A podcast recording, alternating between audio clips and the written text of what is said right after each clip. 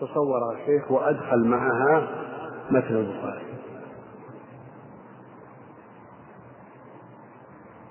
هذه الطبعة السلفية الثانية التي صورت سموها ثالثة وانتشرت باسم الريان وغير الريان الموجودة في الأسواق الآن صور عنها الشيخ. فالشيخ لا علاقة له بفتح الباري مع أن الشيخ حفظه الله أغفل تعليقات الشيخ عبد العزيز رحمه الله فلم يذكر منها شيئا. تعليقات الشيخ رحمه الله محررة ومتقنة وفي مواضعها مختصرة ما تثقل الكتاب. وعذر الشيخ أنه طلب الإذن من أبناء الشيخ ثم جاءه الجواب فطبعا تصور على كل حال هذا اجتهاد. هذا اجتهاد. وأولى من تصوير السلفية الأولى. لو صور ملاق ووضع المتن في الحاشية. وهذا أمر سهل لأن المتن مطبوع بحاشية الطبعة الأولى التي هي بولاق يلصق ملصقات على المتن على المتن وينتهي الإشكال. كما فعل في تصويره لبس الباري السلفية الثانية. على كل حال آه، هذا كان الذي عثر عليه الشيخ ويؤجر إن شاء الله على ذلك. لكن لو طبع البخاري مفرد في هذه الرواية بتمامها مفرد من غير شرح كان أولى وأخف في الحمل لأن اقتناء الكتاب مرة ثانية من أجل المتن هذا أيضا يثقل الكاهن. آه، بقي أن نشير إلى أن أجود طبعات الصحيح هي طبعة بولاق سنة 1313 وهي التي اعتنى بها الحافظ اليونيني رحمه الله. قرأ البخاري مرارا على ابن مالك الإمام النحوي المشهور.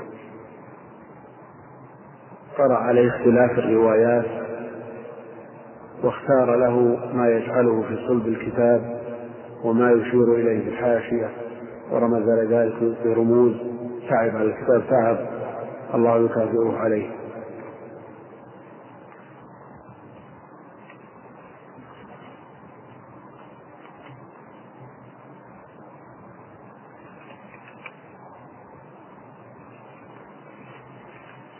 هذا يقول هذا الحديث الحسن الصحيح عند الترمذي أقل أو أعلى من درجة الصحيح.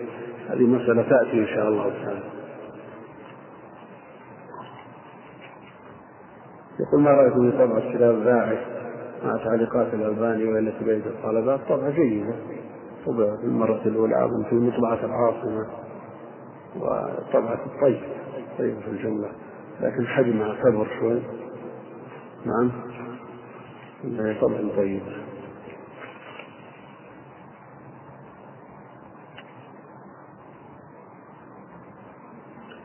في مسألة الزيادات على الصحيحين اعتراض ابن كثير في قوله فيه نظر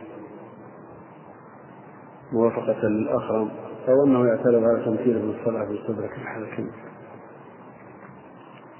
يأتي إن شاء الله. يقول طالب العلم لا يستطيع أن يحيط بكل الكتب والمتون في كل فن. ما هو أفضل كتاب آه، يحتاجه طالب العلم. حتى يلم بمباحث علم المصطلح خاصة غير المتخصصين.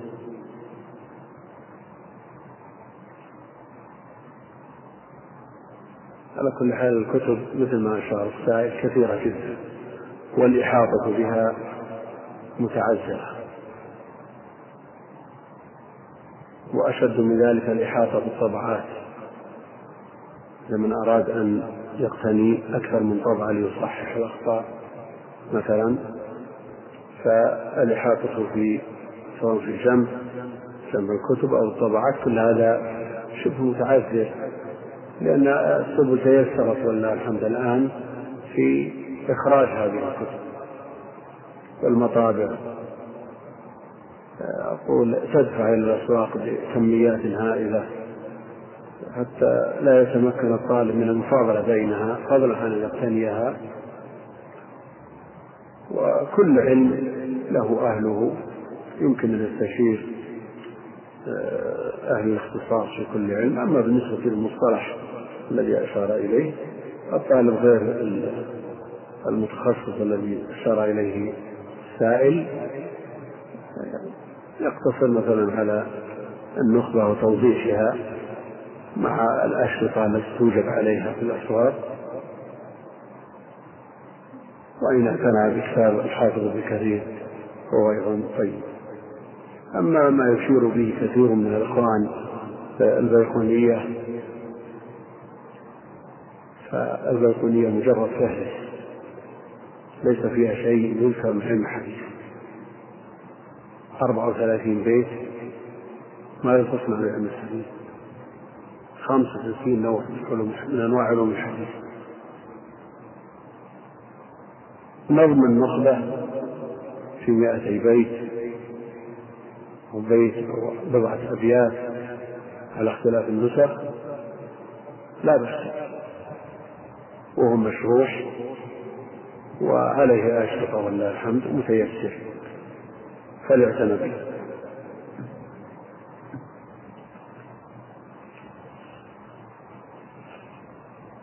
يكفي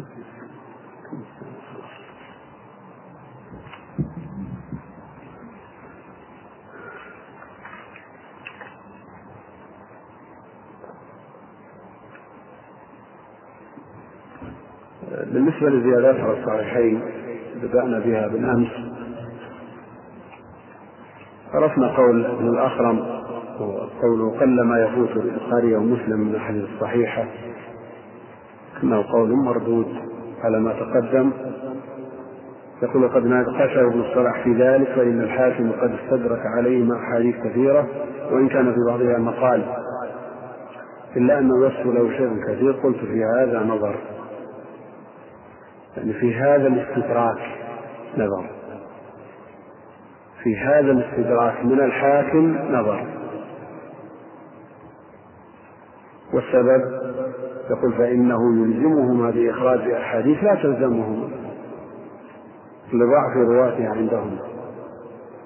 لأن الحاكم في خطبة الكتاب قال وأنا أستعين الله على إخراج أحاديث رواتها ثقات احتج بمثلها الشيخان. نقول هذه المثلية غير متحققة. لوجود الضعيف وهو كثير في المستدرك والموضوع أيضا موجود.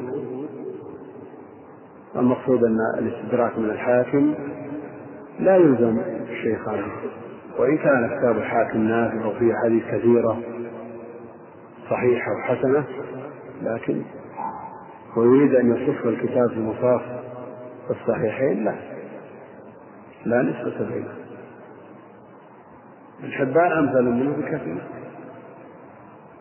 أمثل منه بكثير. ابن خزيمة أمثل من ابن حبان أيضا. ومع ذلك مع ذلك فيها الضعيف. يقول قلت في هذا نظر فإنه يلزمهما بإخراج أحاديث لا تلزمهم. لضعف رواتها عندهما. وإن كان الحاكم يرى أن الرواة ثقات على الخلاف في مراده بالمثلية. احتج بمثلها الشيخان هل هي المثلية الحقيقية التي تقتضي أن الرواة غير الرواة؟ رواة المستدرك غير رواة الصحيحين وإنما هم مثلهم لأن مثل الشيء ليس الشيء نفسه. أو أن المراد بالمثلية على ما يقول الحافظ حجر غيره استعمال المثلية في أعم من الحقيقة والمجاز فتكون المثلية على حقيقتها حينما يخرج الحديث عن غير رواة الصحيحين بل عن مثلهم. أو تكون من غير حقيقة إذا خرج إذا خرج عنهم أنفسهم.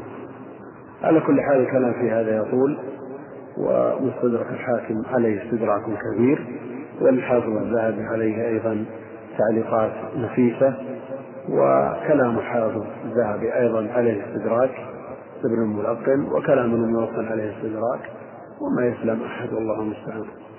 المستخرجات التي بدأنا بالكلام عليها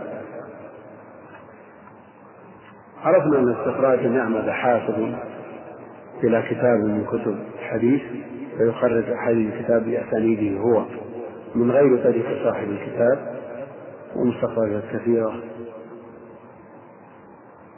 ذكر منها صحيح أبي عوانة ومستخرج على صحيح مسلم ابن بكر الإسماعيلي فرقاني وابن نعيم الأصبهاني على البخاري وعليهما.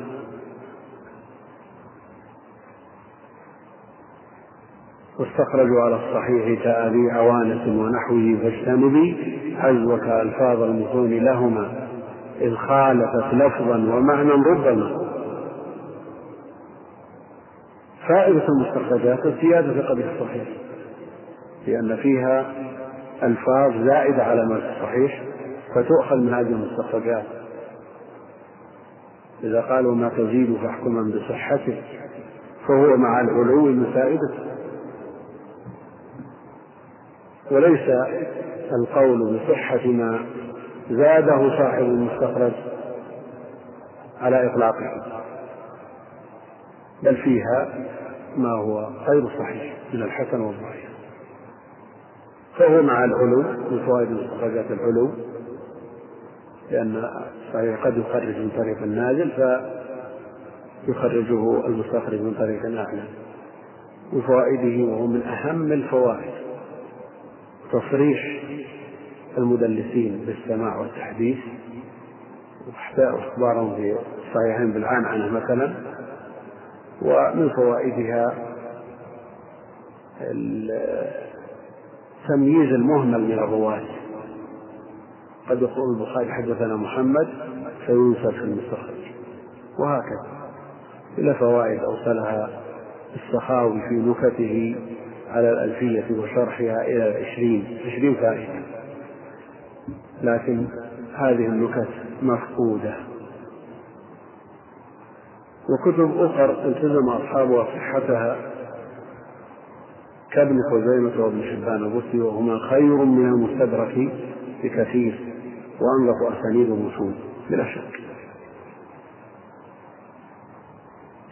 وخذ زيادة الصحيح تنص صحته أو من مصنف يخص بجمعه نحو ابن حبان الزكي وابن خزيمة وكالمستدرك على تساهل.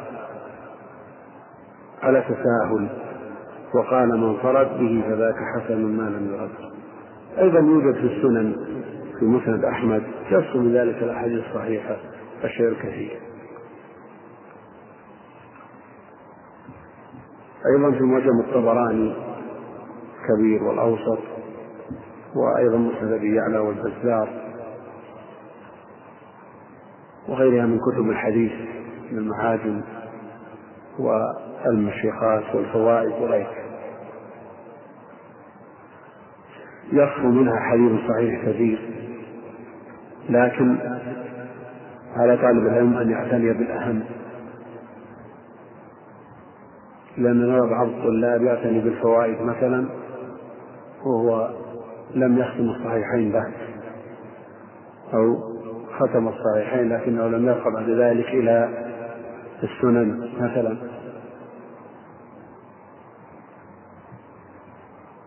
بعضهم يهتم بالأجزاء ويترك الكتب المهمة مثل البيهقي. البيهقي يكاد يحيط بأحاديث الأحكام. فعلينا أن نبدأ بالأهم فالأهم. بالمهم المهم نبدأ لتدركه الشيخ حافظ الحكم رحمه الله. وبالمهم المهم نبدأ لتدركه وقدم النص والآراء والفهم. العمر قصير والعلم طويل. العلم ما ينتهي. فلنبدأ بالأهم. مقدمين في ذلك كلام الله سبحانه وتعالى. يقول بعد النظر ما يتمكن المتبحر في هذا الشأن من الحكم بصحة كثير منه بعد النظر بحال رجاله وسلامته من التعليل المفسد.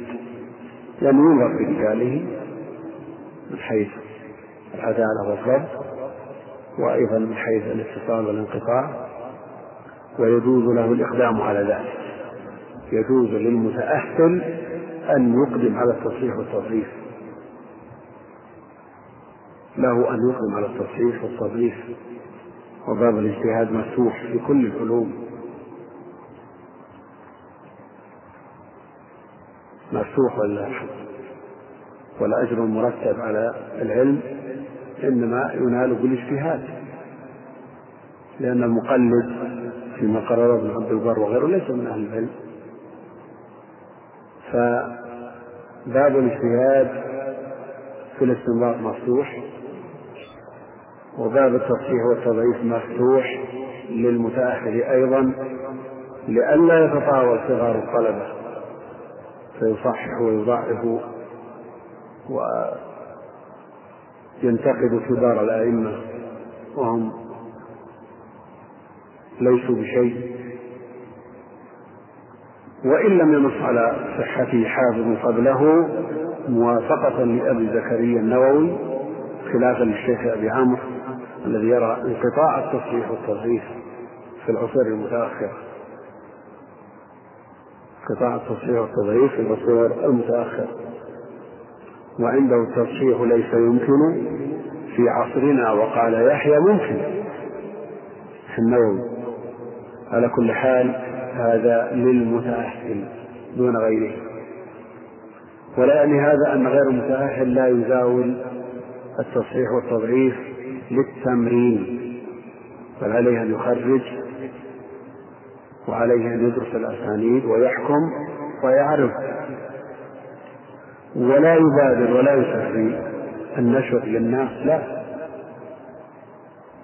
عليه أن يتأنى لأن مرحلة التمرين شيء لا يمنح منه أحد بل لا يمكن أن يتخرج طالب الحديث حتى يتمرن على التخريج ودراسة الأسانيد ويعرض على من يثق بعلمه فيصدق هناك كتاب اسمه المختار للضياء المقدسي وكتاب نفيس وكتاب ناقص. طبع منه أكثر من عشرة مجلدات أحد عشر أو اثنى عشر. يقول كان بعض الحفاظ من مشايخنا وشيخ الإسلام رحمه الله ابن تيمية يرجحه على مستدرك الحاكم بلا شك. هو أنظف أسانيد مستدرك الحاكم وقد تكلم شيخ أبو عمرو بن الصلاح على مستدرك الحاكم فقال واسع الخط في شرح الصحيح أو في شرط الصحيح بعض النسخ والساهل بالقضاء به فالأولى أن يتوسط في أمره. فما لم يجد فيه تصريحا لغيره من الأئمة فإن لم يكن صحيحا فهو حسن. هذا رأي ابن الصلاح في جميع الكتب ما عدا الصحيحين. الكتب المعتمدة عند أهل العلم. السنن مثلا يتوسط في أمره ما الداعي إلى هذا التوسط؟ الداعي قفل باب الاجتهاد سد باب الاجتهاد. وما دام الاجتهاد ما هو ممكن. نترك الأحاديث. هذه الأحاديث التي لم ينص على صحتها.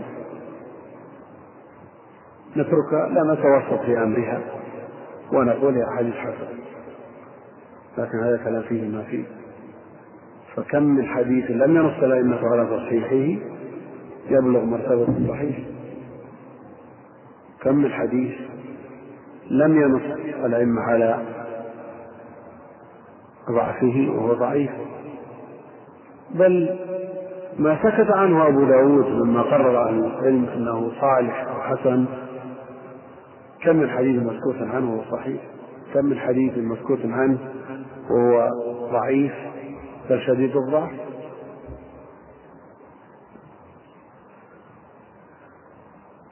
يقول قلت في هذا الكتاب أنواع من الحديث كثيرة فيه الصحيح المستدرك يعني ما هو على شرط الشيخين وهو قليل. فيه صحيح خرجه البخاري ومسلم أو أحدهما وهذه غفلة من الحاكم. لأن الحاكم أراد أن يستدرك ما لم يخرج الشيخ. فذكر بعض الأحاديث التي أخرجها الشيخان لم يعلم به الحاكم وفيه الحسن والضعيف والموضوع أيضا. وفي فضائل علي رضي الله عنه من الموضوعات شيء. يقول إن الموضوعات تقارب المئة مئة حديث. ولو قيل بأنها أكثر من مئة لما بعود. فالحاكم واسع الخط في شرح الصحيح نعم مالك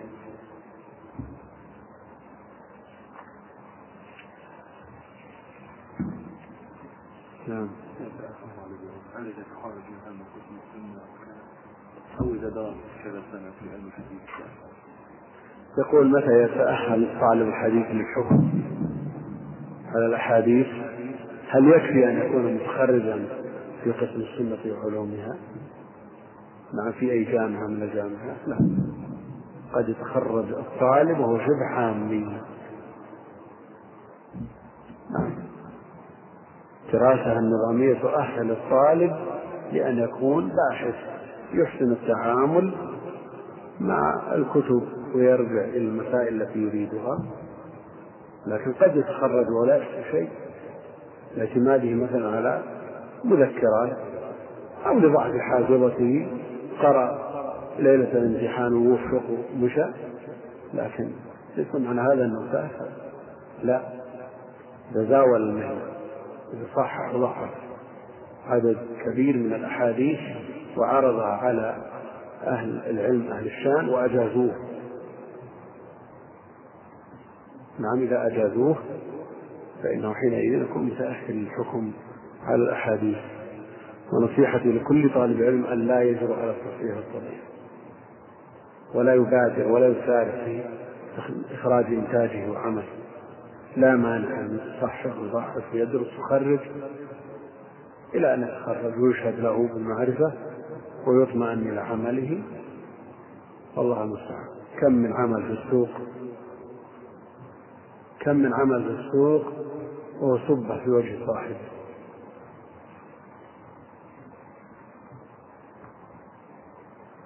واحد من الأخوان يذكر أنه رأى تعليق على كتاب الحديث ابن عمر حينما طلق امرأته وهي حائض مره فليراجعها حتى تطهر ثم تحيض ثم تطهر.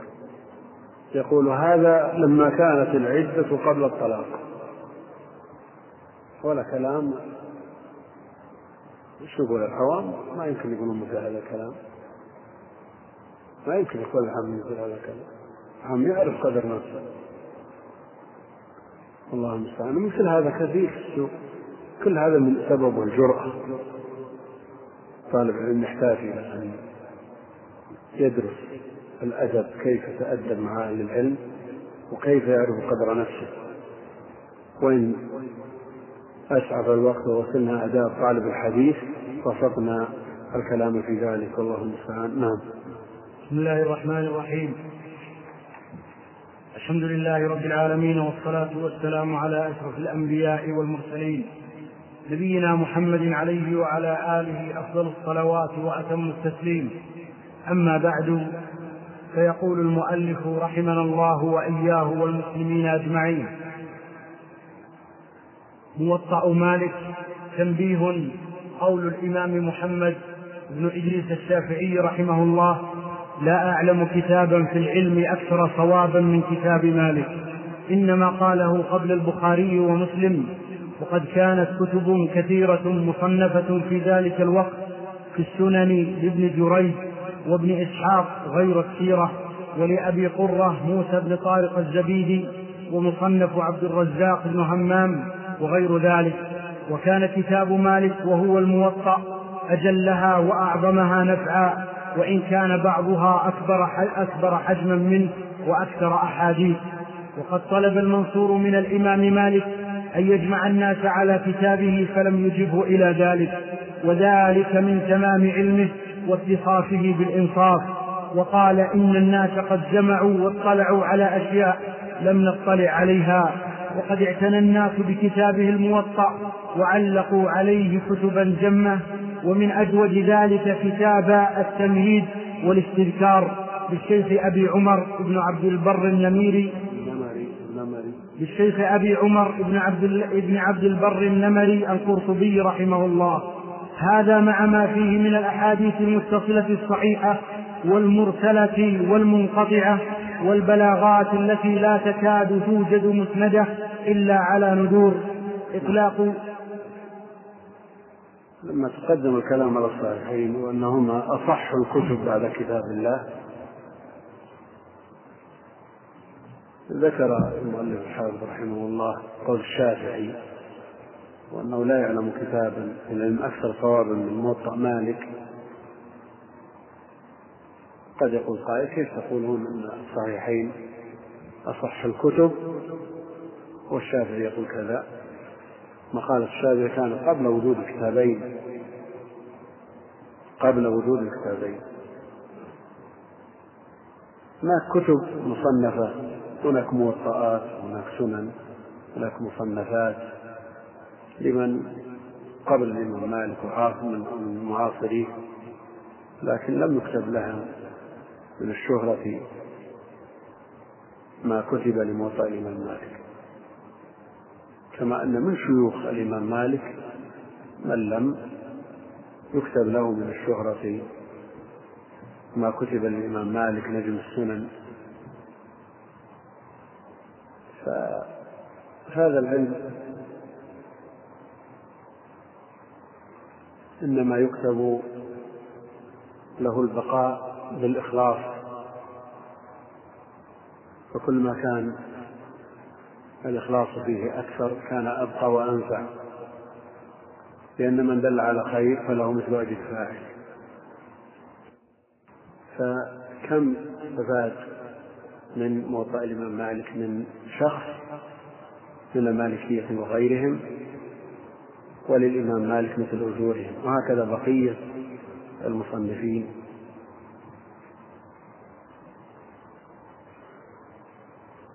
كتاب الإمام مالك هو أجل هذه الكتب المتقدمة وأعظمها نفعا وبلا شك فيه الأحاديث الصحيحة المسندة وإن كان الكتاب ليس بالكبير فيه البلاغات والمنقطعات والمراسيل ولا يستدرك على الإمام مالك في ذلك لأنه يرى حجية المرسل.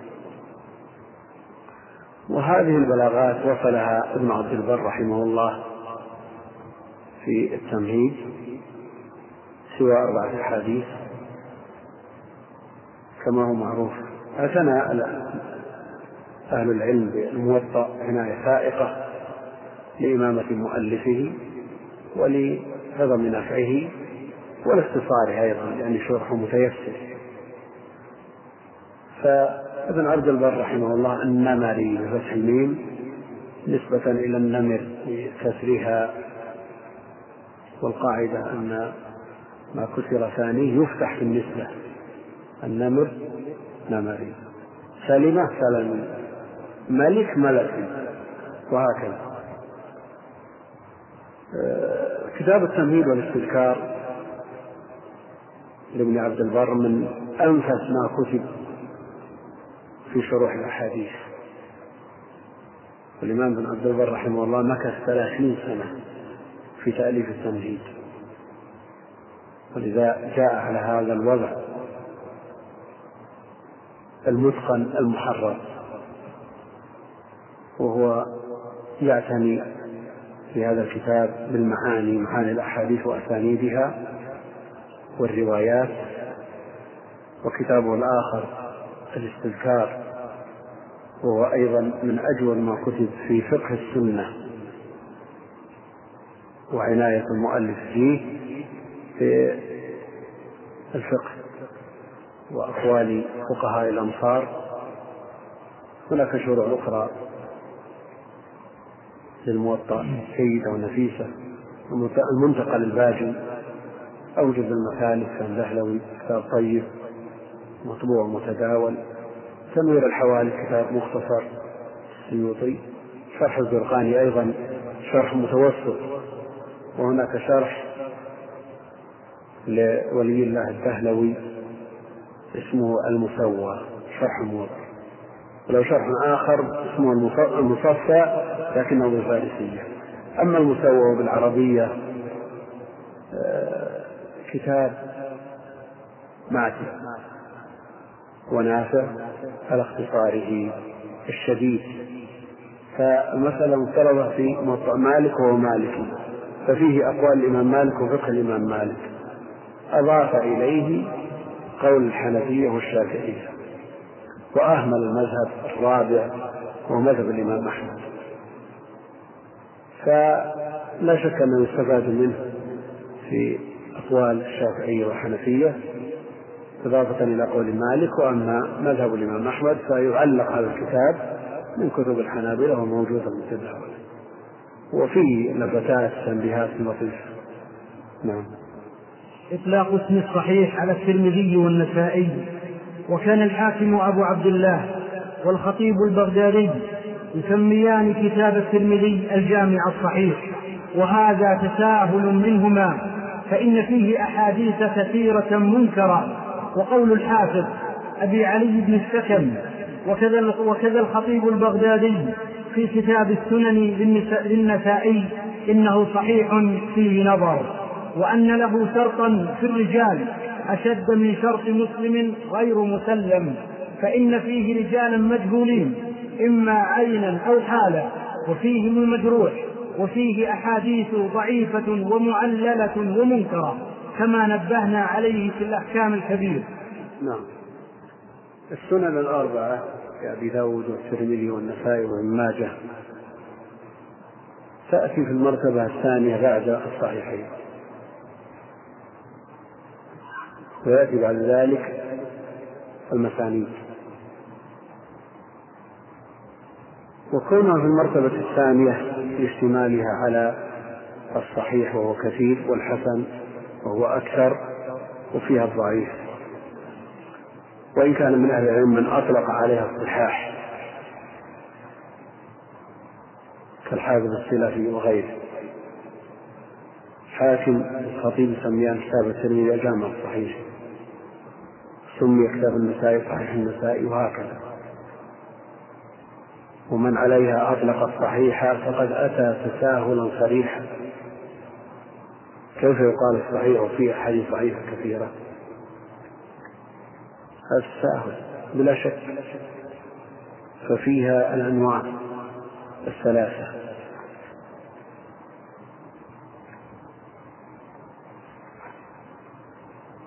من الصحيح والحسن والضعيف. يأتي بعد ذلك المسانيد كمسند الإمام أحمد الطيالسي وغيرها وهي في الرتبة دون السنن. ولذا يقول الحافظ العراقي ودونها في رتبة ما جعل على المسانيد فيدعى جفلا كمسند الطيالسي وأحمد وأده للدارمي انتقد والسبب أن المصنف في السنن يترجم بأحكام. جواز كذا تحريم كذا. ثم يذكر تحت الترجمة أقوى ما يجد من الأحاديث. أما صاحب المسند فإنه يترجم بأسماء بأسماء الصحابة فيذكر من أحاديثهم ما وقع له كيفما اتفق. ولذا صارت رتبتها دون السنن ولذا يقول دونها في رتبة ما جعل على المسانيد فيدعى جفا. والكلام في مسند الإمام أحمد وكلام شيخ الإسلام عليه كثير وأنه أجود من شرط أبي داود أو هو مساوي لشرط أبي داود. نعم. مسند الإمام أحمد. وأما قول الحافظ أبي موسى محمد بن أبي بكر المديني عن مسند الإمام أحمد إنه صحيح فقول ضعيف فإن فيه أحاديث ضعيفة بل موضوعة كأحاديث فضائل مرو وشهداء عسقلان والبرق الأحمر عند حمص وغير ذلك كما قد نبه عليه طائفة من الحفاظ ثم إن الإمام أحمد قد فاته في كتابه هذا مع أنه لا يوازي لا يوازيه كتاب مسند في كثرته وحسن سياقاته. أحاديث كثيرة جدا بل قد قيل إنه لم يقع له جماعة إنه لم يقع له جماعة من الصحابة الذين في الصحيحين قريبا من مئتين. الكتب الخمسة وغيرها. مسند الإمام أحمد من أعظم دواوين الإسلام ومن أكبر كتب السنة وأجلها وفيه من الأحاديث ما يقرب من ثلاثين ألف وإن قيل كما نبهنا أمس أنه فيه أربعين ألف. هذا المسند إطلاق الصحيح عليه لا شك أنه قول ضعيف فيه أحاديث ضعيف كثيرة. وفي هذا لا تتجاوز النسبة فيه النسبة التي في السنن.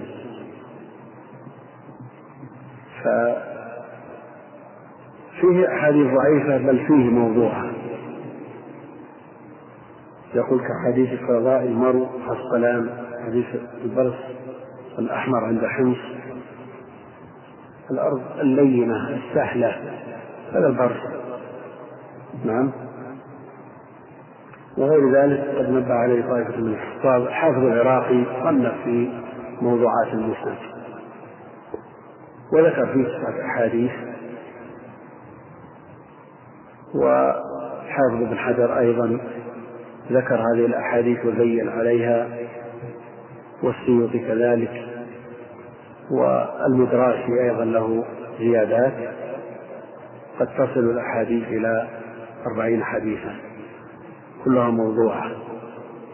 ودافع الحافظ بن حجر عن المسند دفاعا طيبا من مثله وهو حافظ حفاظ السنة وذكر هذه الأحاديث وأجاب عنها واحدا واحدا. في كتابه القول المسدد في الذب عن المسند. وذكر أن دفاعه عن المسند إنما هو دفاع عن السنة لا لشخص الإمام أحمد لأن الدفاع عن مثل هذا الكتاب الكبير قربة إلى الله سبحانه وتعالى ودفاع عن السنة.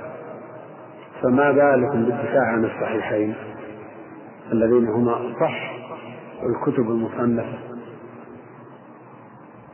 زين إذا تطاول عليهما أحد فما دونهما من باب أولى. وقد امتدت بعض الأيدي إلى الصحيحين بالتصحيح والتضعيف أنه البخاري ومسلم ليس بمعصومين. وجد عندهم بعض الأحاديث التي تكلم عليها بعض الحفاظ وهي نادرة يسيرة بالنسبة لما اشتمل عليه الصحيحان من الحديث الصحيح. والغالب أن الصواب مع الشيخين مما يدرك من مظانه. المقصود أن الدفاع عن المسند الحافظ ابن حجر كتاب نفيس ينبغي الاطلاع عليه. اسمه القول المسدد في الذب عن المسند. له ذيل للسيوطي وله ذيل آخر لصبغة الله المدراسي. ذكروا في الأحاديث المنتقدة في المسند وأجابوا عن بعضها. حسب الإمكان. يقول ثم إن الإمام أحمد قد فاته في كتابه هذا مع أنه لا يوازيه المسند اللهم إلا أن كان المسند بقي في المخرج في كثرته وحسن سياقته. نعم الإمام أحمد ممن يعتني بالألفاظ سواء كانت في المتون والأسانيد وممن يفرق بين صيغ الأداء هو نظير الإمام مسلم في هذا. فيه أحاديث كثيرة جدا أو فاته أحاديث كثيرة جدا بل قد قيل إنه لم يقع له جماعة من الصحابة الذين في الصحيحين قريبا من 200 هذا كلام ليس بصحيح. إن هذا فاته من الصحابة نذر يسير قليل. نعم. الكتب الخمسة وغيرها. وهكذا قول الحافظ أبي طاهر السلفي. سلفي سلفي سلفي. أبي طاهر السلفي في الأصول الخمسة يعني البخاري ومسلم وسنن أبي وسنن أبي داود والترمذي والنسائي. إنه اتفق على صحتها علماء المشرق والمغرب. تساهل منه. وقد أنكره ابن الصلاح وغيره. قال ابن الصلاح وهي مع ذلك أعلى رتبة من كتب المسانيد كمسند عبد بن حميد والدارمي وأحمد بن حنبل وأبي يعلى والبزار وأبي داود الطيالسي والحسن بن سفيان والحسن بن والحسن بن سفيان وإسحاق وإسحاق بن راهوية وعبيد الله بن موسى وغيرهم فإنهم يذكرون عن كل صحابي ما يقع لهم من حديثه. نعم هي مع ذلك أعلى رتبة يعني الكتب الخمسة السنن الكتب خمسة يعني الصحيحان مع الصحيحين مع السنن. والخلاف في السادس عند أهل العلم معروف. والأكثر على أنه ابن ماجه لكثرة زوائده. وأما ابن الأثير فجعل السادس الموطأ ومنهم من جعل الدارمي بدل الموطأ. وهي مع ذلك أعلى رتبة من كتب المسانيد كمسند عبد بن حميد والدارمي. الدارمي سنن مرتب على الأبواب وليس على المسانيد نعم له مسند لكن هذا المسند مفقود من قبل الصلاة ولذا يقول الحافظ العراقي رحمه الله ودونها في رتبة ما جعل على المسانيد فيدعى جبلا كمسند الطيالسي وأحمد وعده للدارمي انتقد. نعم انتقد عليه عده للدارمي مع المسانيد لأنه سنن. نعم. التعليقات التي في الصحيحين وتكلم الشيخ أبو عمرو على التعليقات الواقعة في صحيح البخاري وفي مسلم أيضا لكنها قليلة قيل إنها أربعة عشر موضعا. وحاصل الأمر أن ما علقه البخاري بصيغة الجزم فصحيح إلى من علقه عنه ثم النظر فيما بعد ذلك. وما كان منها وما كان منها بصيغة التمريض فلا يستفاد منه فلا يستفاد منها صحة ولا تنافيها أيضا. لأنه قد وقع من ذلك كذلك وهو صحيح وربما رواه مسلم. وما كان من التعليقات صحيحا فليس من نمط الصحيح المسند فيه لأنه قد وسم كتابه بالجامع المسند الصحيح المختصر في أمور رسول الله صلى الله عليه وسلم وسننه وأيامه. فأما إذا قال البخاري قال لنا أو قال لي فلان كذا أو زادني ونحو ذلك فهو متصل عند الأكثر. وحكى ابن الصلاح عن بعض المغاربة أنه تعليق أيضا يذكره للاستشهاد لا للاعتماد ويكون قد سمعه في المذاكرة. وقد رده ابن الصلاح بأن الحافظ أبا جعفر ابن ابن أبا جعفر بن حمدان قال إذا قال البخاري وقال لفلان فهو مما سمعه عرضا ومناولا. فهو مما سمعه عرضا ومناولا وأنكر ابن الصلاح على ابن حزم رده رده حديث الملاهي وأنكر ابن الصلاح على ابن حزم رده حديث الملاهي حيث قال حيث قال فيه البخاري وقال هشام بن عمار وقال أخطأ ابن حزم من وجوه فإنه ثابت من حديث هشام بن عمار. قلت وقد رواه أحمد في مسنده. وأبو داود في سننه وخرجه البرقاني في صحيحه وغير واحد مسندا متصلا إلى هشام بن عمار وشيخه أيضا. كما, كما بيناه في الأحكام في كتاب في كتاب الأحكام ولله الحمد. ثم حكى تعليقات والمعلقات وحقيقة المعلق ما حذف من مبادئ إسناده من قبل المصنف راو أو أكثر. حذف الشيخ فقط هذا معلق. حذف الشيخ وشيخه أيضا معلق. حذف جميع الإسناد معلق. اقتصر على الصحابي فقط معلق. وهكذا. يقولون إنه مأخوذ من تعليق الجدار والطلاق.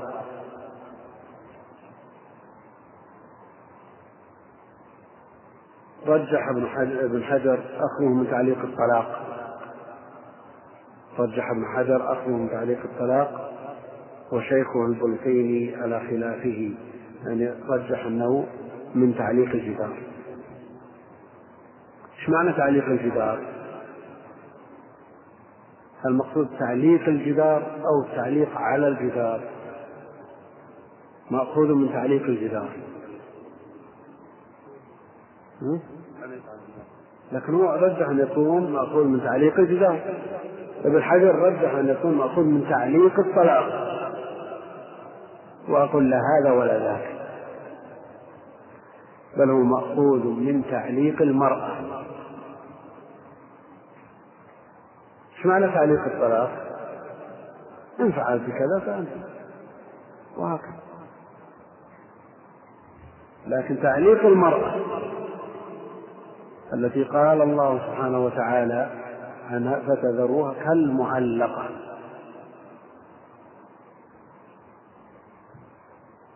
معلقة ليست ذات زوج وليست مطلقة. نعم يؤخذ من هذا؟ صحيح.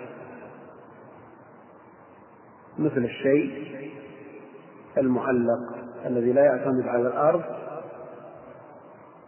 بل بينه وبين الأرض فراغ وهو أيضا يمكن أخذه من التعليق على الجدار على الجدار وليس من تعليق الجدار.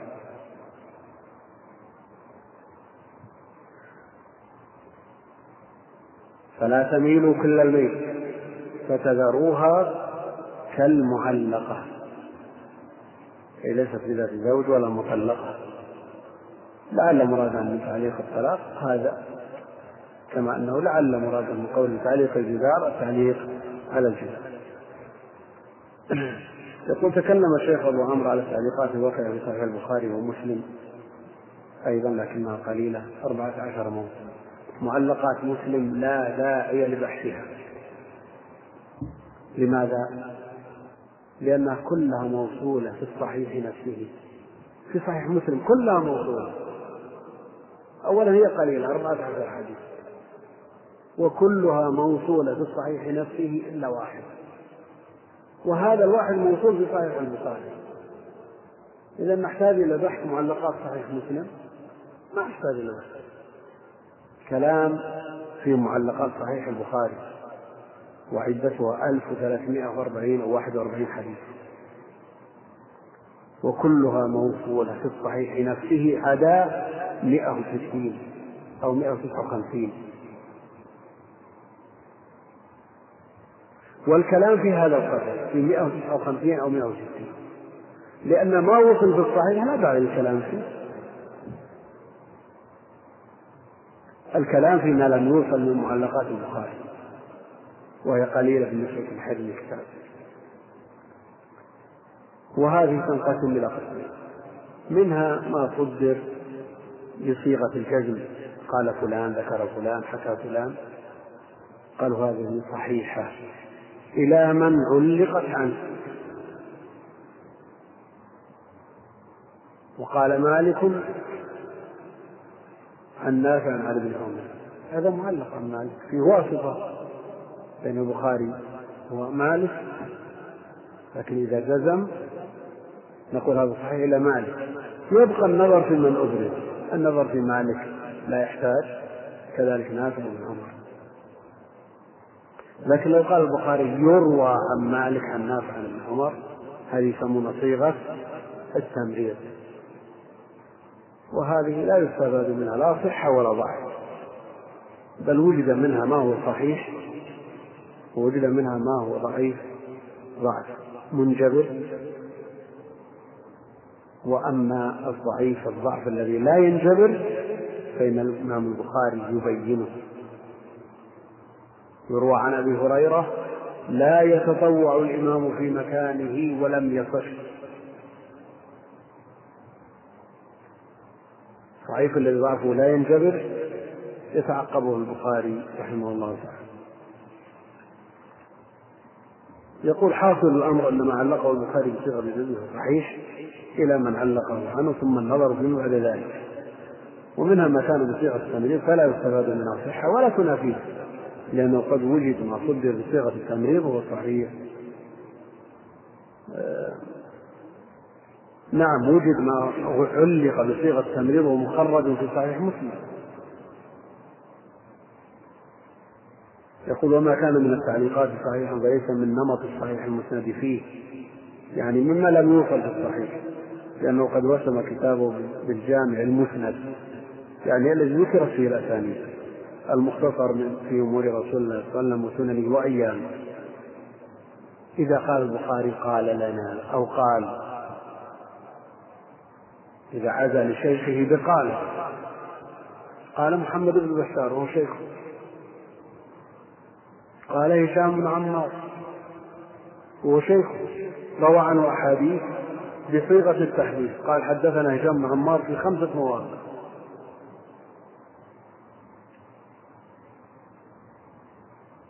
الأكثر على أنه موصول متصل. وأن قال مثل عن محمول على الاتصال بالشروط المعروفة عند أهل العلم. ولذا يقول الحافظ العراقي رحمه الله أما الذي حذا لشيخه بقال فكذي عن عنس كخبر المعازف لا تثقل ابن حزم المخالف. فغاية هذه الصيغة أنها مثل عن وإن قال بعضهم أنه معلق لأنه لو كان رواه عن شيخه مباشرة لقال حدثنا كالجاد ولذا علم الحافظ المنزلي على حديث المعازف بعلامة التعليق خاء وعلى كل حال لو كان إنه معلق وقد جزم به إلى هشام بن عمار قال هشام بن عمار فهو صحيح أيضا وهو مخرج من سنن أبي داود وغيره من كتب السنة باسانيد صحيحه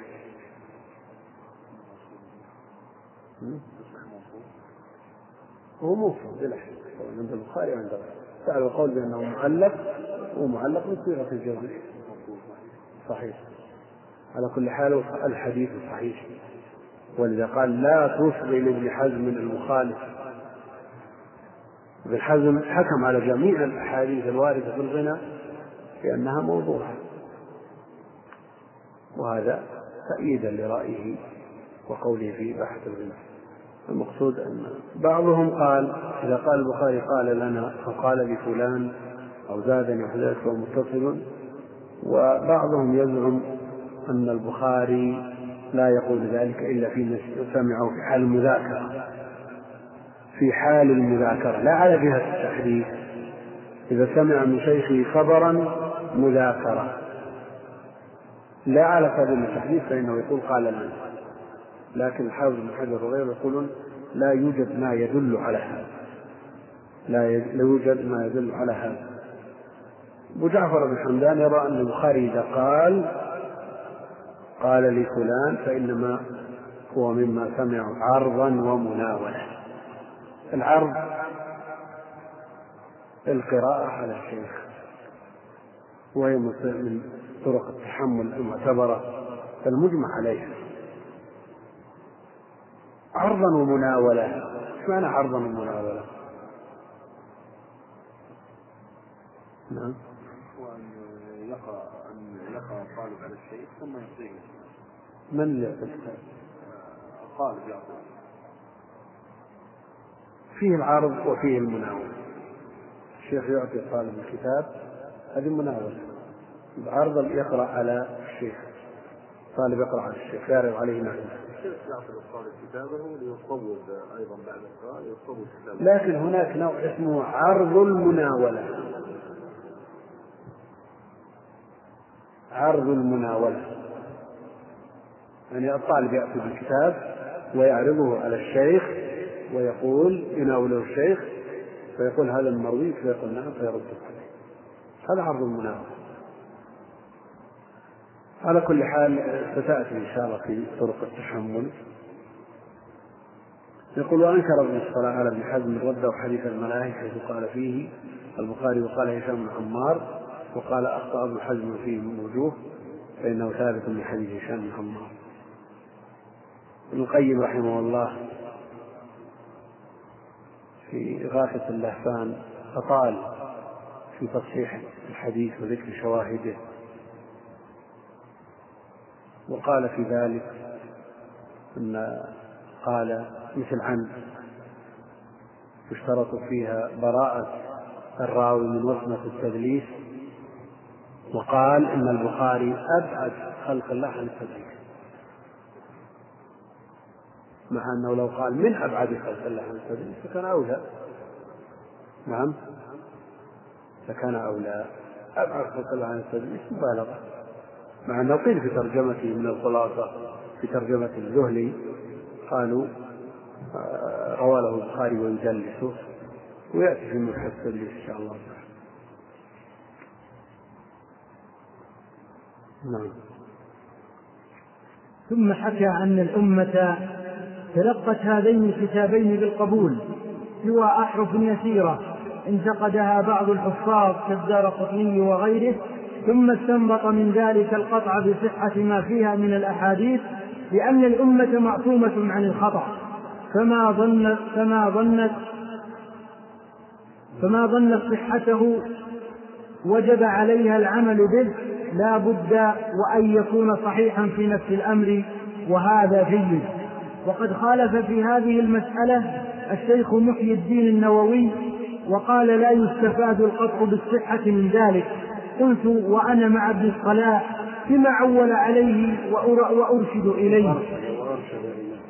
قلت وأنا مع ابن الصلاح فيما عول عليه وأرشد إليه والله أعلم. حاشية.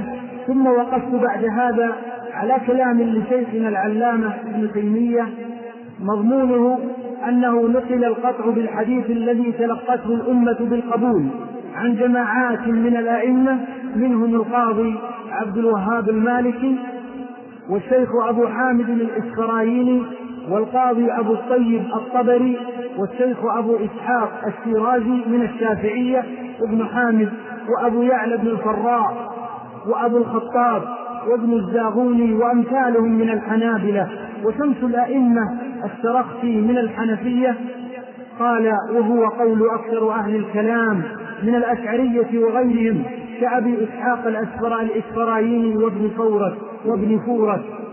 قال وهو مذهب أهل الحديث. قال وهو مذهب أهل الحديث قاطبة ومذهب السلف عامة وهو معنى ما ذكره ابن الصلاح استنباطا فوافق فيه هؤلاء الأئمة.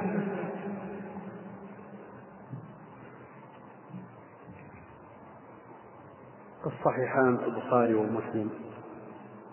تقدمت الإشارة إلى أنهما أصح الكتب بعد كتاب الله. والأمة تلقت هذين الكتابين بالقبول حتى قال جمع من أهل العلم أنه لو حلف شخص بالطلاق أن جميع ما في البخاري ومسلم صحيح لما حنث فالأمة تلقت الكتابين بالقبول. وهذا التلقي وحده أقوى من كثرة الطرق. قال سوى أحرف يسيرة سوى أحاديث يسيرة في الكتابين. ما يقرب من مئتي حديث انتقدها الحافظ الدارقطني وغيره. والغالب أن الصواب مع الشيخين وقد دافع عن الأحاديث المنتقدة في صحيح البخاري الحافظ بن حجر في مقدمة فتح الباري والنووي. دافع أيضا باختصار في شرحه على صحيح مسلم عما انتقده الدار قطني في صحيح مسلم.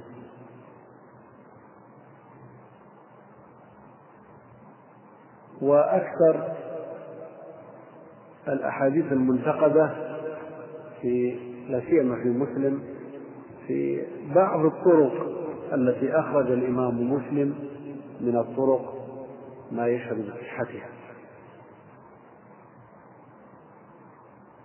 على هذا هذه الأحاديث اليسيرة المنتقدة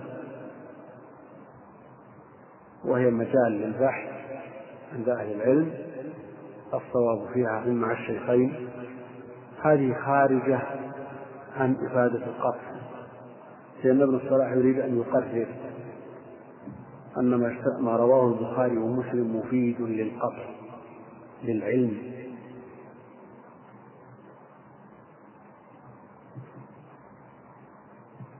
لأن الأخبار تنقسم إلى أقسام منها ما يفيد العلم ومنها ما يفيد الظن.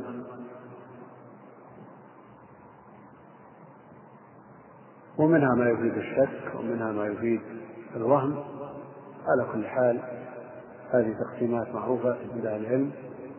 فالذي يفيد القطع العلم اليقيني الضروري هو المتواتر في أهل العلم. وفي السنة المتواتر. هذا مفيد القطع ولا كلام فيه. يبقى الآحاد بأقسامه الثلاثة. المشهور والعزيز والغريب. في الأصل تفيد الظن. هذا في الأصل. لماذا؟ لأن الراوي مهما بلغ من الحفظ والضبط والإتقان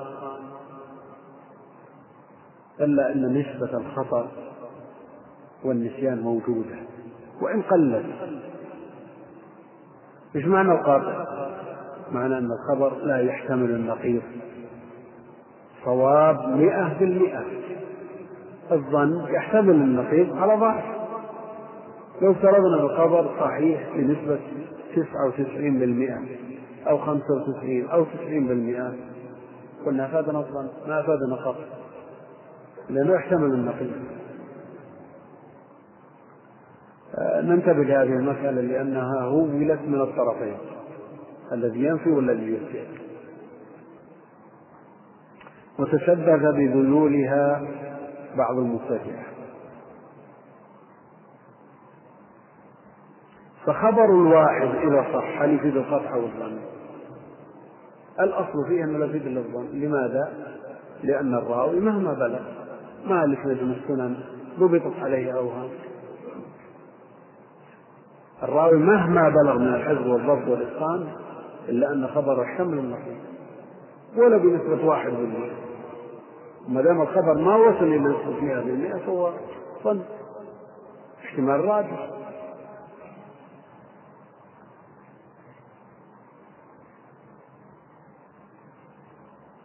هذا قول وهو قول الأكثر أنه في الأصل لا يفيد الظن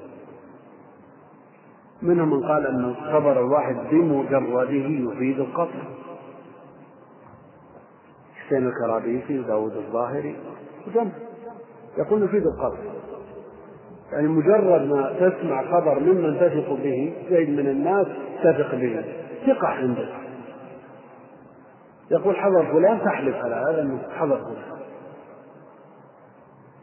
يفيد القطع عندك 100% فلا يحتمل أن يأتي زيد بعد ساعة أو ساعتين؟ قال أخطأت. رأيت رأيت شخصا ظننته فلانا. حصل هذا كثير؟ يحصل هذا. المقصود أن الأكثر على أنه لا يفيد بمجرده بمفرده إلا الظن. منهم من يرى أنه يفيد القصد. والقول الغصب. أنه يفيد القطع إذا احتفت به قرينة. إذا احتفت به قرينة. لماذا نحتاج إلى هذه القرينة؟ لكي تكون في مقابل الاحتمال المرجوح. فإذا وجدت هذه القرينة أفادنا القطع وهذا ما قرره شيخ الإسلام رحمه الله في مواضع من كتبه. قرره ابن القيم في الصواعق حافظ بن حجر في شرح النخبة. وجمع من أهل العلم من أهل التحقيق يرون أن خبر الواحد إذا احتفت به قرينة هذا القطع وإلا فالأصل أنه لا يفيد إلا الظن والعلة في ذلك ما سمعتم. الذين قالوا إنه يفيد القاطع من غير نظر إلى القرائن يريدون أن يقطعوا الطريق على المبتدعه الذين يقولون ما دام خبر الواحد لا يفيد إلا الظن فإنه لا تثبت به العقائد. فخبر الواحد لا تثبت به العقائد لأنه لا يفيد إلا الظن. نقول لا يفيد إلا الظن وتثبت به العقائد كما تثبت به الأحكام. ولا نلتزم بما التزمه المبتدعة لا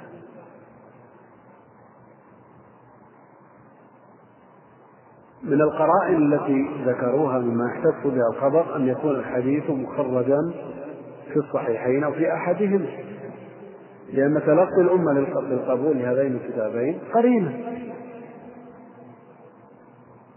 كون الحديث مروي بطرق متعددة متباينة سالمة من القوادح أيضا قرينة على أن الحديث ضبط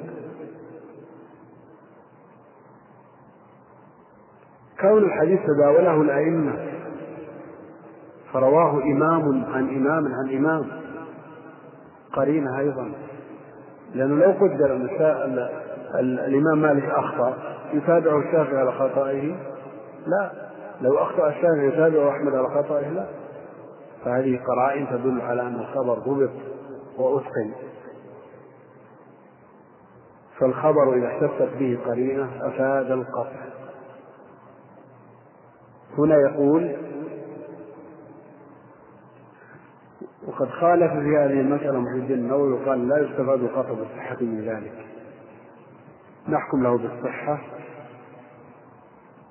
فإن فإن احتفت به قرينة أفادنا القطع وإلا فالأصل أنه لا يفيد إلا الظن وهذا ما رجحه النووي. واقطع بصحة لما أسند لما قد أسند. نعم. نعم. وقيل ظنا قد عزاه النووي. نعم. لا. اضبط اضبط. المقصود أن النووي خالف ابن الصلاح فيما ذهب إليه وأظن الخلاف لفظي لأن ابن الصلاح نظر إلى خبر الواحد المحدث في القرينة كما قرر شيخ الإسلام ولا يمكن أن يكون الصلاح إن أي خبر يأتي به ثقه يقطع به من غير النظر إلى قرينة.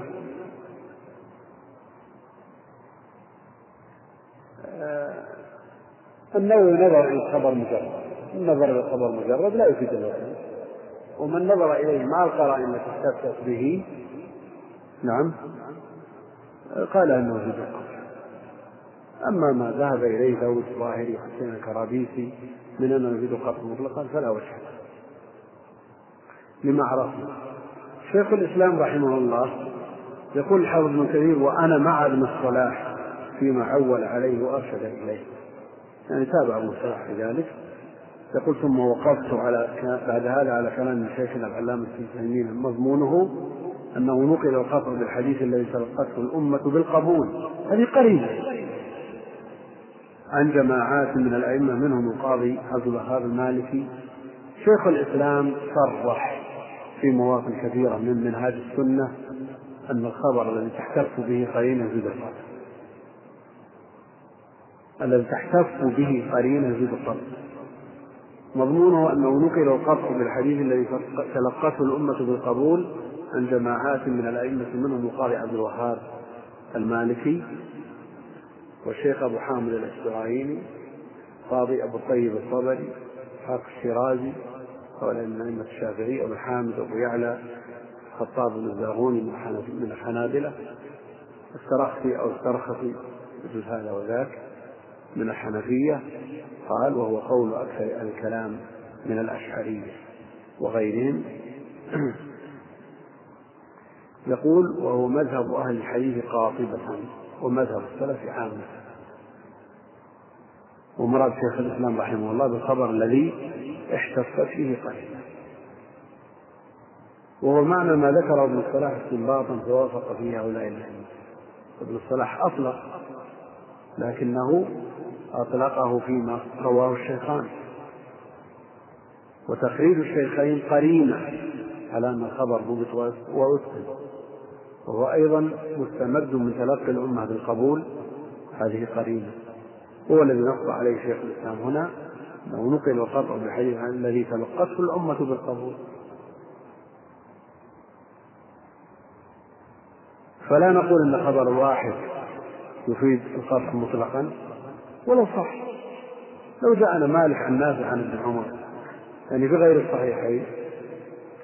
مالك يهم حصلت له أخطاء وإن كان من المسلمين. ولا يحتاج إلى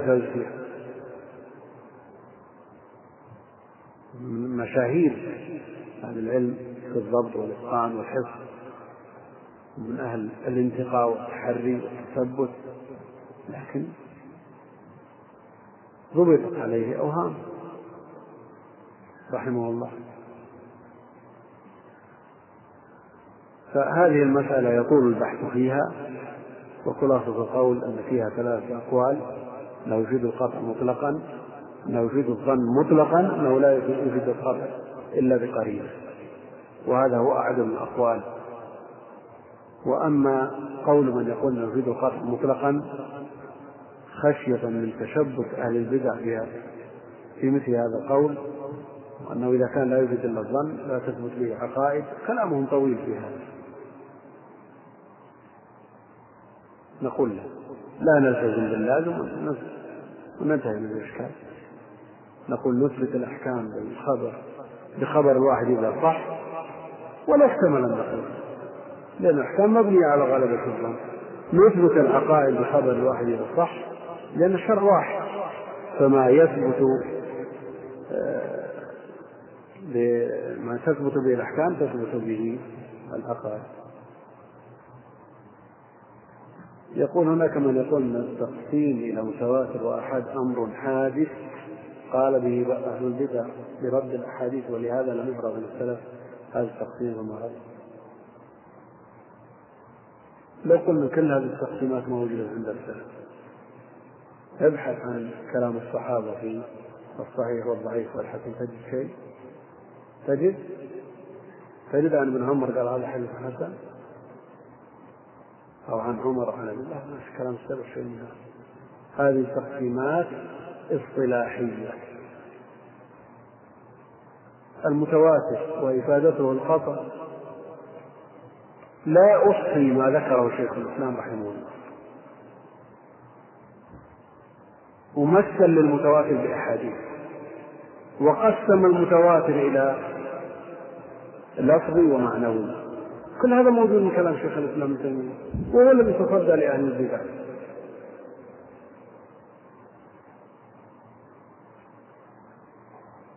إذا وجد هذا الكلام نعم لو لم يلفظ به إلا مبتدع اجتنبناه. لكنه موجود في كلام أهل السنة. وسواء سميناه متواتر أو أحد أو لم نسميه الحقيقة حقيقة. الأخبار متفاوتة. هل الأخبار على حد سواء؟ الخبر الذي يأتيك من طريق عشرة مثل الخبر الذي يأتيك عن طريق واحد. نعم. لا تفاوت فالأخبار متفاوتة. والخلاف لفظ والتسمية اصطلاحية. ولا مشاحة في الاصطلاح. وإذا عرفنا أن شيخ الإسلام رحمه الله نطق بالمتواتر وأن في السنة المتواتر وأنه يفيد القطع وأن منها المتواتر اللفظي وأن منها المتواتر المعنوي بقي.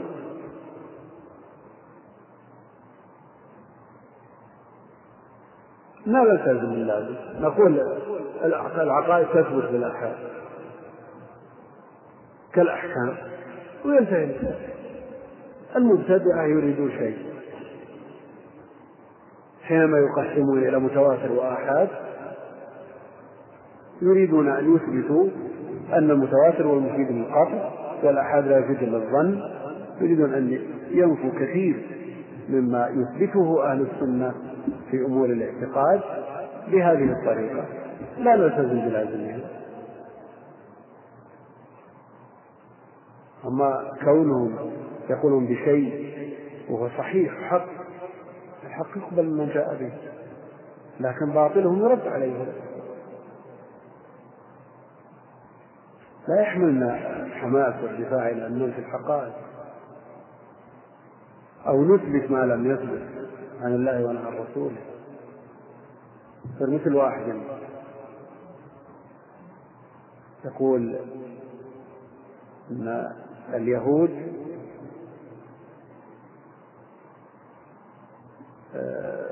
نفوا آه، صلب المسيح وقتل المسيح. قام واحد من جهال المسلمين قال لا اليهود قتلوه. نعم قتلوه. هو يزعم أن اليهود يتقربون إلى النصارى في كلامه هذا من أجل كسب القضية. ويريد أن يكسب القضية من طرف آخر. لا قتلوه. يفرق بين الناس. ما سويت. كذبت القرآن. ماذا فعلت؟ فأحيانا الحماسي بعض طلاب العلم يوقع في حرج. ينفي ما هو موجود مثبت الأخبار متفاوتة. منها ما يفيد العلم. يعني مجرد سماع تجزم بأنه صحيح.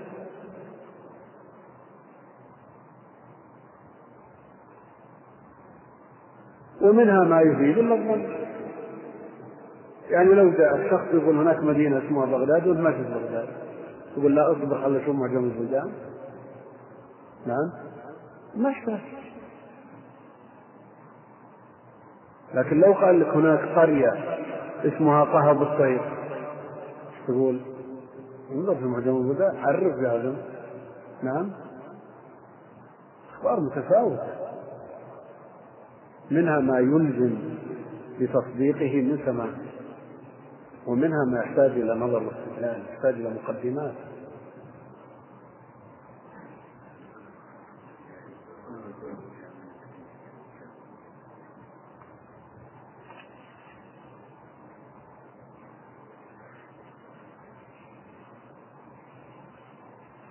على كل حال الكلام في هذا الموضوع يطول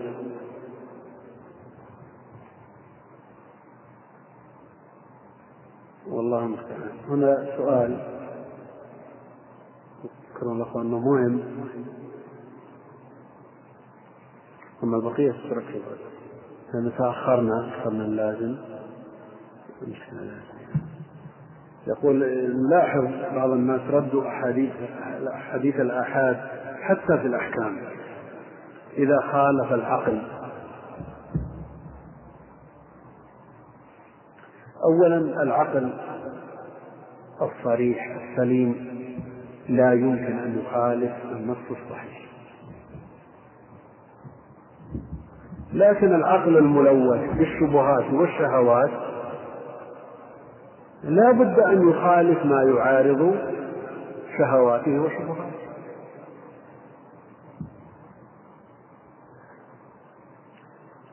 العقل لا ينكر أنه يميز ويدرك الحسن ويدرك القبيح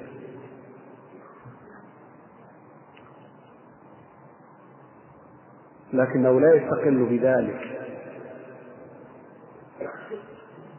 وشيخ الإسلام رحمه الله قرر هذه المسألة في إفاضة في كتبه لا سيما كتاب العقل والنقل. درء تعارض العقل والنقل وقرر رحمه الله إنه لا يمكن أن يوجد نص صحيح يعارض العقل الصريح يعارض العقل السليم القلب السليم الخالي من الشهوات ومن الشبهات. لكن قلب تراكمت عليه الشهوات والشبهات وران عليه ما كسب مثل هذا. القلب مثل هذا العقل لا بد أن يحارب ويخالف لكن مثل هذا لا عبرة به. لا عبرة به. يعني حينما يرد حديث لن يفلح قوم ولو أمهم امرأة. يقال الواقع يشهد بخلاف ذلك. شوف بيرغاندي وشوف تاتشر وشوف وكل جماهير اللي هزمتها العرب عقل هذا بالله هذا عقل سليم الذي يرد النصوص بمثل هذه السذاجة؟ لا العقل الذي يسير مع الكتاب والسنة حيثما سار لا يمكن أن يجد أدنى إشكال في النصوص الصحيحة. والله المستعان وصلى الله وسلم وبارك على نبينا محمد وعلى آله وصحبه أجمعين. بسم الله الرحمن الرحيم. الحمد لله رب العالمين. وصلى الله وسلم وبارك على عبده ورسوله نبينا محمد وعلى آله وصحبه أجمعين. هذا السؤال يقول, يقول هناك كتب باسم الجمع بين الصحيحين وباسم اللؤلؤ والمرجان فيما اتفق عليه الشيخان. فما معناهما وما موضوعهما وما أفضل الطبعات؟ الجمع بين الصحيحين.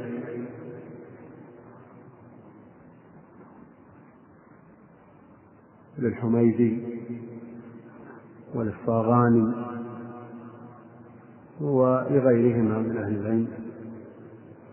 ممن حاول أن يجمع الصحيحين في كتاب واحد مع حذف المكررات. وكتاب الحميدي. كتاب جميل ونفيس. طبع أخيرا. إلا أنه أحيانا لا أقول دائما. لا ينقل من الأصول مباشرة. لا ينقل من الصحيحين مباشرة. بل قد يعتمد على المستخرجات. ولذا تجدون في ألفاظه ما يخالف ما في الصحيحين أحيانا. أحيانا. مع أنه يبين ويميز اللفظ الذي في الصحيحين وما زاده من المستخرجات غالبا لا أقول دائما. ولا أقول بما قاله من كتب في المصطلح أن الحميدي لم يميز. كما يقول الحافظ العراقي رحمه الله تعالى وليت إذ زاد الحميدي ميز. الحميدي ميز. لكنه ليس على قاعدة مضطرد قد يفوته بعض الشيء. أما بالنسبة لما اتفق عليه الشيخان فهناك كتاب اسمه زاد المسلم. فيما اتفق عليه البخاري ومسلم لأن ترتيبه في شيء من الصعوبة وأجود منه ما جاء في السؤال. كتاب اللؤلؤ والمرجان فيما اتفق عليه الشيخان لمحمد فؤاد عبد الباقي. أما بالنسبة لطبعات هذه الكتب فالجمع بين الصحيحين لا أعرف أنه طبع إلا مرة واحدة أخيرة أيضا وأما اللؤلؤ والمرجان فطبعة الحلبي الأولى طيبة جدا.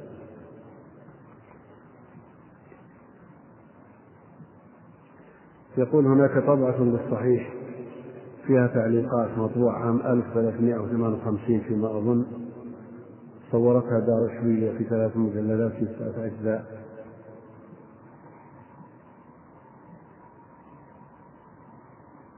وهي مطبوعة. أصالة في دار الطباعة الفاخرة. فهل لا علاقة باليونية؟ لأن أعرف أن المطبوعة في الخمسينات خمس وخمسين أو ستة وخمسين هي طبعة الحلبي وهي مأخوذة من الطبعة السلطانية. فيها إشارة إلى الفروق في الحاشية لكنهم أغفلوا بعض الفروق. طبعا في الجملة جيدة. إلا أن من صورها فيما بعد وقف على مقال للشيخ أحمد شاكر في إحدى المجلات عن البخاري وعن عناية اليونيني به وعن أصل هذه الفروق فصور هذا هذا المقال وأرفقه بهذه الصورة زاعما أن هذه الصورة بتقديم الشيخ أحمد شاكر. وهذا كلام ليس بصحيح إنما هو للترويج. الشيخ أحمد شاكر لا علاقة له بطبعات الصحيح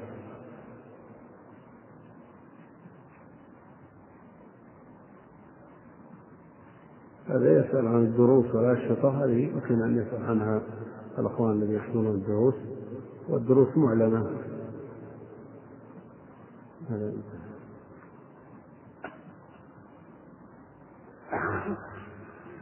يقول لو جعل خمس دقائق الأخيرة للأسئلة ما ينضبط في الأخير ما ينضبط يقول هل تحبذ زيادة زمان القراءة على من عنده أسانيد متصلة إلى الأئمة البخاري ومسلم وغيره؟ وهل وقع لكم أسانيد متصلة إلى أصحاب هذه الكتب؟ أنا لا أهتم بالأسانيد كثيرا. نعم عندنا إجازة من الشيخ حمود التويجري رحمه الله. والعناية بها على حساب التحصيل والفهم والدراية موضعة للوقت لأنها لا يترتب عليها تصحيح ولا تضعيف نعم إذا حصلت من غير تعب من غير تضييع لوقت لا بأس لأنها محافظة على خصيصة هذه الأمة وإلا فلا أثر لها في الواقع. لأنه ما الذي يستفيد حديث في صحيح البخاري؟ مروي في البخاري تروي بإسناد صحيح أو ضعيف. لا قيمة لك ولا أنت ولا إسنادك. لكن إبقاء سلسلة الإسناد من خصائص هذه الأمة. تنبغي المحافظة عليه لكن لا يكون على حساب التفقه في الأحاديث. ومعرفة صحيحها من ضعيفها هل يوجد في زماننا من له أسانيد توصي طلبة العلم بالأخذ عنهم؟ يوجد.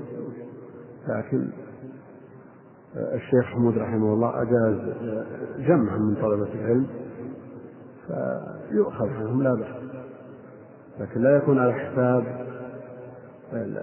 فهم الأحاديث وإثباتها وتصحيحها وتضعيفها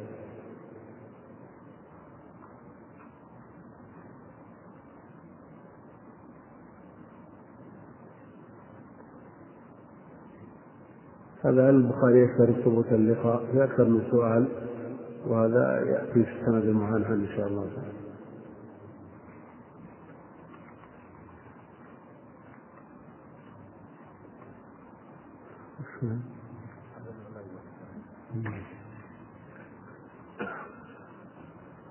يقول هل صحيح أنه يوجد أحاديث في صحيح البخاري لم تبلغ مرتبة الحسن؟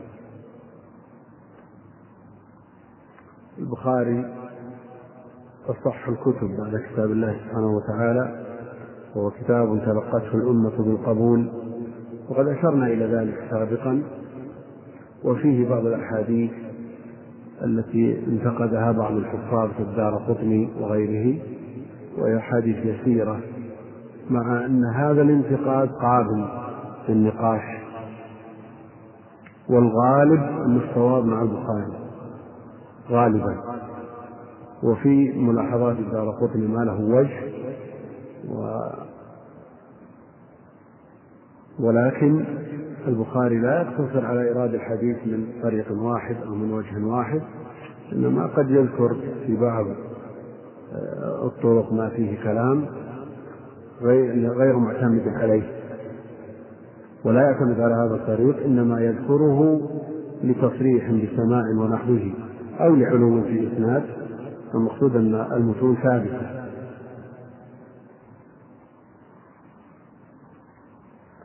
يقول هناك شرح مختصر للبخاري غير فتح الباري المسلم غير النووي؟ أما بالنسبة للنووي فلا يوجد أخطر من شرح النووي. هو شرح مختصر وجامع ونفيس. فلا ينبغي أن يبحث عما هو أخطر منه. أما بالنسبة لفتح الباري فهو شرح فيه طول بلا شك لكنه نافع ومفيد. هناك ما هو أخطر منه كالكرماني وهو قبل البخاري قبل ابن حجر وفيه أوهام تعقبها الحافظ وغيره وهناك إرشاد الساري وهو أخطر أيضا من فتح الباري وفيه فوائد في ضبط إتقان للصحيح يقول الطبعة العامرة لصحيح مسلم وهل هي معتمدة أم لا؟ نعم الطبعة العامرة لصحيح مسلم طبعة جيدة وهي أجود من طبعتهم لصحيح البخاري. الطبعة العامرة في إسطنبول لصحيح مسلم معتنى بها ومتقنة في الجملة. يعني لا يوجد عليها ملاحظات إلا نافعة جدا بخلاف طبعتهم لصحيح البخاري. طبعتهم لصحيح البخاري عليها ملاحظات كثيرة وفيها سقط بعض الأحاديث. وإن زعموا أنهم أخذوا هذه الطبعة من كشاب الساري المقصود أن الطبعة الآمرة بصحيح مسلم طبعة جيدة علما بأن الطبعة الموجودة مع شرح النووي في الطبعة البهية وما صور عنها مأخوذة من الطبعة العامرة بحروفها. لكن من قارن بين هذه الطبعة الطبعة العامرة وبين الطبعة التي على هامش إرشاد الساري وجد بعض الفروق لا سيما في صيغ الأداء وفي أنساب بعض الرواة يجد بعض الفروق.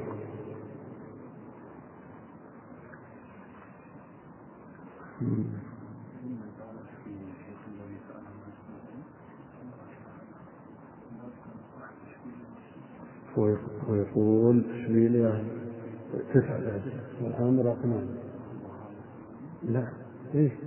إيش ثمان كل كلام البخاري ومسلم على ثمان نعم.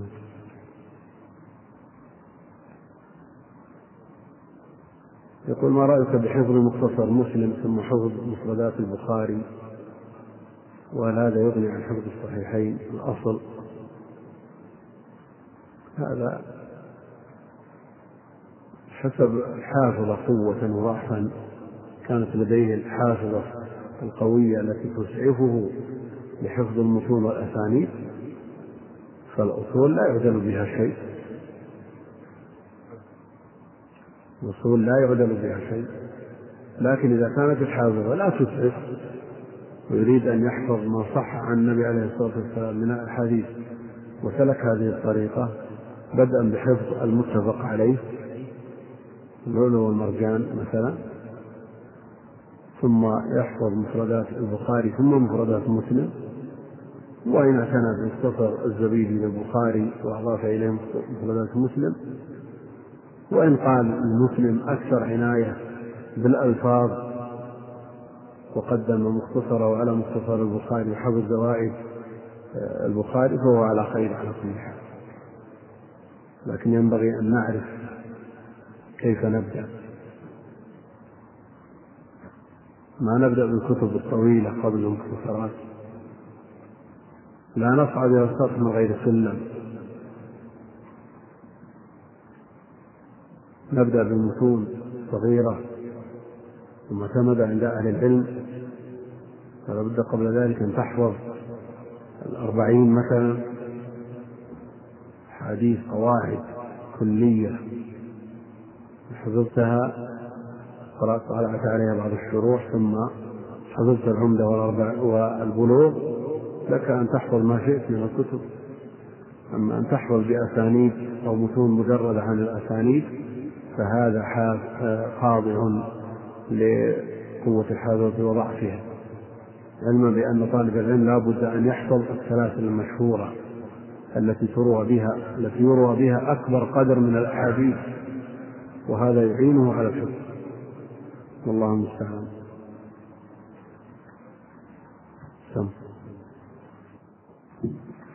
بسم الله الرحمن الرحيم. الحمد لله رب العالمين والصلاة والسلام على أشرف الأنبياء وإمام المرسلين. نبينا محمد عليه وعلى آله أفضل الصلوات وأتم التسليم. أما بعد فيقول المؤلف رحمنا الله وإياه والمسلمين أجمعين النوع الثاني الحسن وهو في الاحتجاج به